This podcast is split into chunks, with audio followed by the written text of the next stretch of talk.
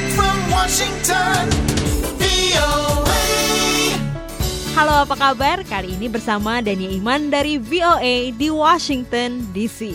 Apa kabar penyanyi Jason Derulo? Belum lama ini Museum Madame Tussauds di Hollywood, Los Angeles, California meresmikan patung lilin yang sangat mirip dengan dirinya. What do you think? Oh my god! Are we serious right now? That's a handsome guy. You guys. Patung ini pun sangat mencerminkan gaya dari penyanyi berumur 26 tahun ini dengan pose andalannya di kala manggung.